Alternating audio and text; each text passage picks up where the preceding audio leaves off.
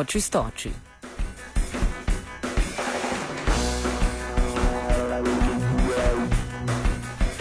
Sfižilo se je še eno javno naročilo.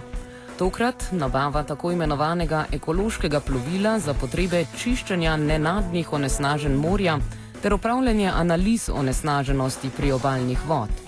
Plovilo, proizvedeno v Turčiji, naj bi imelo vrsto pomankljivosti. Že pri hitrosti osmih vodslov pa jo je morje začelo zamakati. Zato so pristojni zavrgli nabavo plovila, razpis pa se bo ponovil.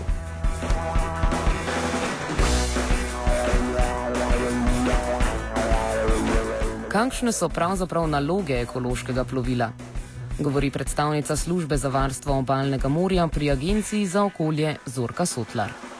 Torej, eh, osnovni namen eh, to vrstnega plovila je pravzaprav izvajanje nalog obvezne gospodarske javne službe zdrževanja vodnih in priobalnih zemljišč morja, torej mi tej službi na kratko pravimo služba varstva obalnega morja katere osnovna naloga je pravzaprav eh, odprave posledic eh, raznih onesnaženj za neznanimi povzročitelji, čiščenje gladine morja.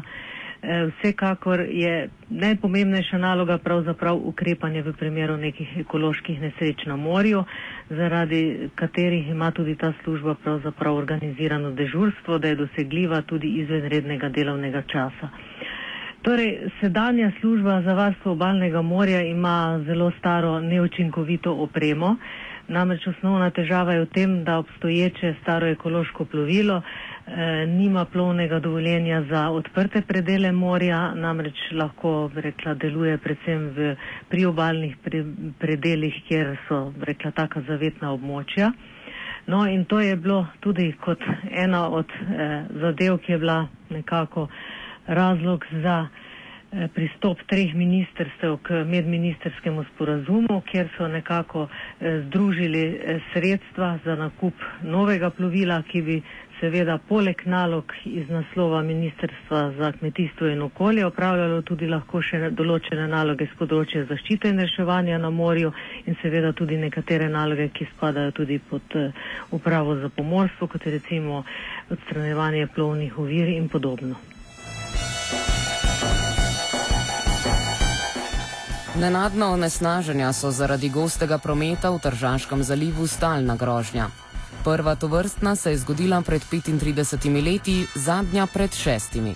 Nadaljuje Sotlarjeva. Pravzaprav eno od uh, nenadnih onesnaženj, rekla zdaj že več kot 35 let nazaj, je bilo, ko je en mini tanker nasedel uh, v bližini Piranskega zaliva. Takrat je pravzaprav prišlo tudi do prvih eh, aktivnosti, da se sploh tako oziroma to vrstno službo ustanovi.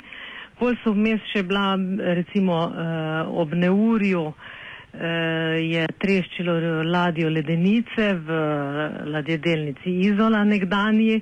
Takrat je prišlo kar do zajetnega onesnaženja in je bila velika sreča tudi vremenskih okoliščin, ker je naftni madež potiskalo k obali in je služba čistila, mislim, da več kot en teden.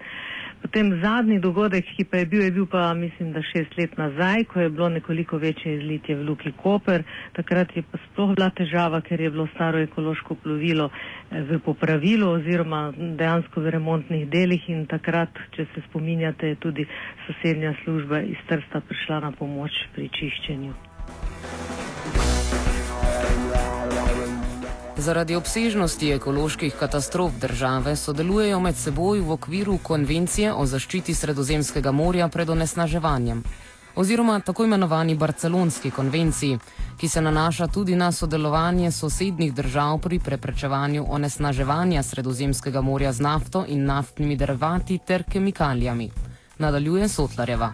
Naša država pravzaprav v sklopu Barcelonske konvencije in njenih protokolov seveda tudi goji meddržavno sodelovanje oziroma je, mislim, da je zdaj že nekaj let od tega, odkar je prišlo do podpisa tako imenovanega eh, subregionalnega eh, plana načrta ukrepov za preprečevanje večjih onesnaženj v Jadranskem morju, eh, ki pravzaprav ureja eh, oblike sodelovanja med državami. Torej, kot veste, nobena država ni tako bogata, da bi se opremila za neke velike ekološke katastrofe oziroma nesreče, Zato pa je pravzaprav tudi eno cilje barcelonske konvencije sodelovanje, spodbujanje sodelovanja pravzaprav sosednjih držav prav eh, na tem nivoju. Onesnaženje ne prihaja zgolj iz nasedlih tankarjev in izliti nevarnih kemikalij iz ladij, temveč tudi skopnega. Po desetletjih je slovensko priobalno morje prvič na vseh delih ustrezno zakopanje. Prav tako se je letos s priključitvijo velike čistilne naprave v Kopru zaključila vzpostavitev ustrezne infrastrukture za minimalizacijo onesnaževanja skopnega. Nadaljuje direktor Zavoda za zdravstveno varstvo Koper Milan Krek.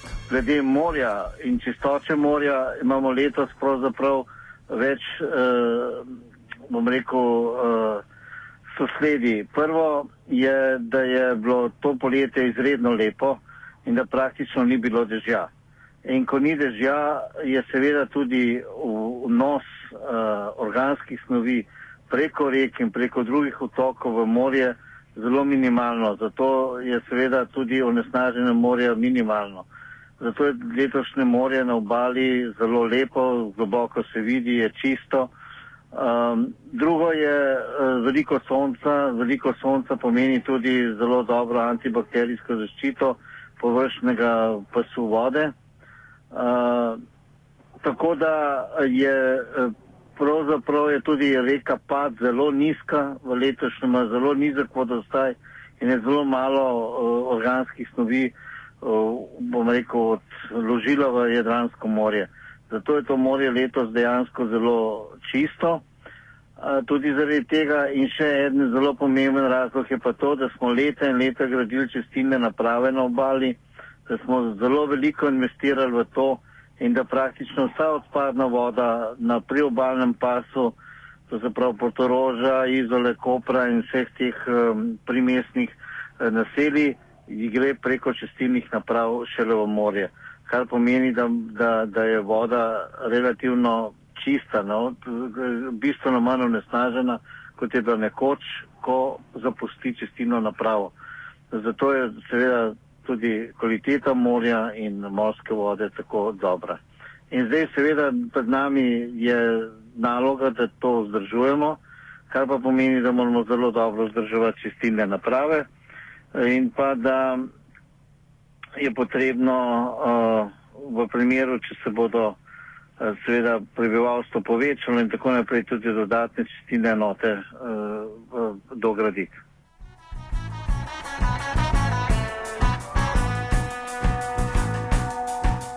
Offside o zamorju v ugodnem poletju in slabem javnem naročilu je pripravil Jankovič.